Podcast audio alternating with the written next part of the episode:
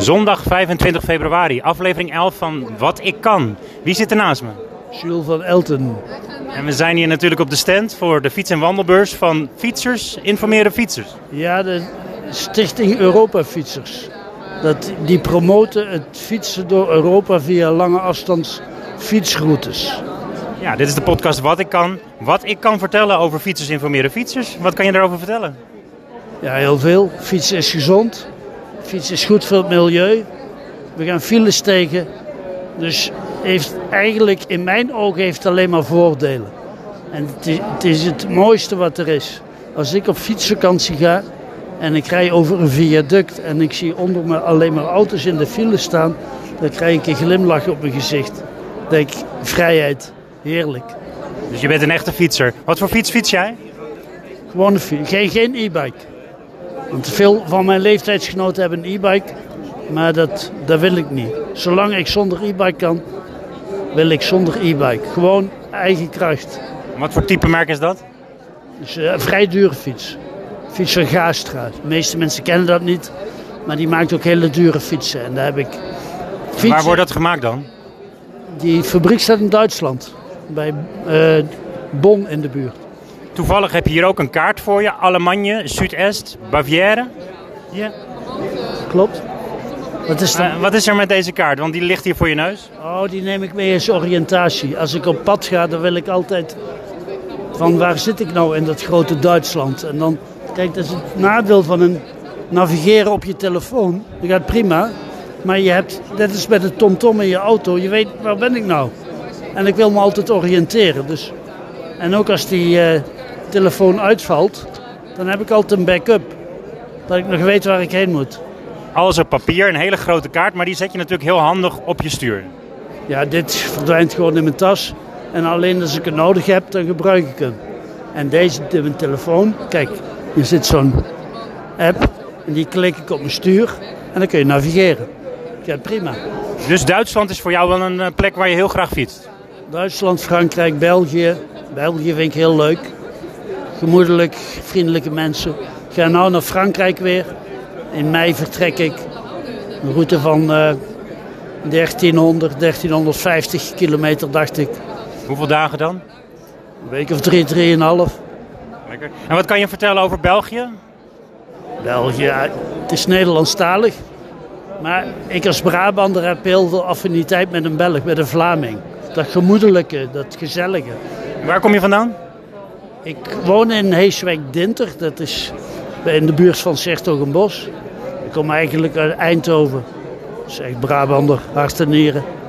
Ook vast wel mooie routes, maar ik wil graag over België praten. Wat ik kan vertellen, de, de, de- dat België, zeg maar, wat zijn er voor fietsroutes? Je hebt daar net zoiets als in Nederland heb je die lange afstandsfietsroutes. Die heb je in België ook. En daar vergelijkbaar iets. En eh, een hele mooie route is daar de Vlaanderen-route. Dat is 1200 kilometer alleen maar door Vlaanderen. Via hele mooie weggetjes langs de kust. De Vlaamse Ardennen, Oost-Vlaanderen. Ja, prachtig. Wanneer heb je die gedaan? Een paar jaar geleden. Ik heb het twee keer gedaan. Mooi.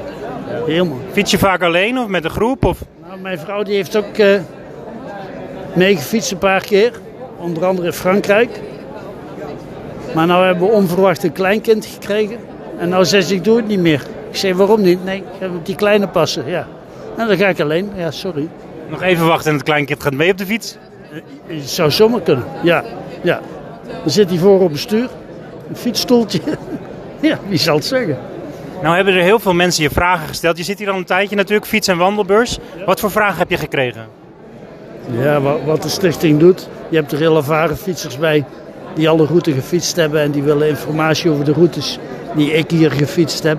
Daar geef ik dan informatie over. Over de zwaarte van de route, de lengte, eh, ja, noem maar op. Dat soort dingen willen ze allemaal weten.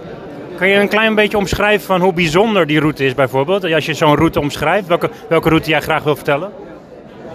Die route die ik twee jaar geleden gefietst heb, dat is een fietsroute langs de noordgrens van het oude Romeinse Rijk. Daar zie je allemaal oude overblijfselen onderweg van dat Romeinse Rijk. Oude vestingen en eh, noem maar op. Musea, heel mooi. Waar begint dat? Die begint in Katwijk Dat is de noordgrens. En die eindigt in Constanza aan de Zwarte Zee. Daar ben je even onderweg. De meeste mensen fietsen, hij is opgedeeld in drie delen. De meeste mensen fietsen nou naar deel 1 en 2. Omdat nou met die ontwikkelingen in de Oekraïne, ja, Roemenië, Albanië, is het niet meer zo prettig om daar auto te fietsen.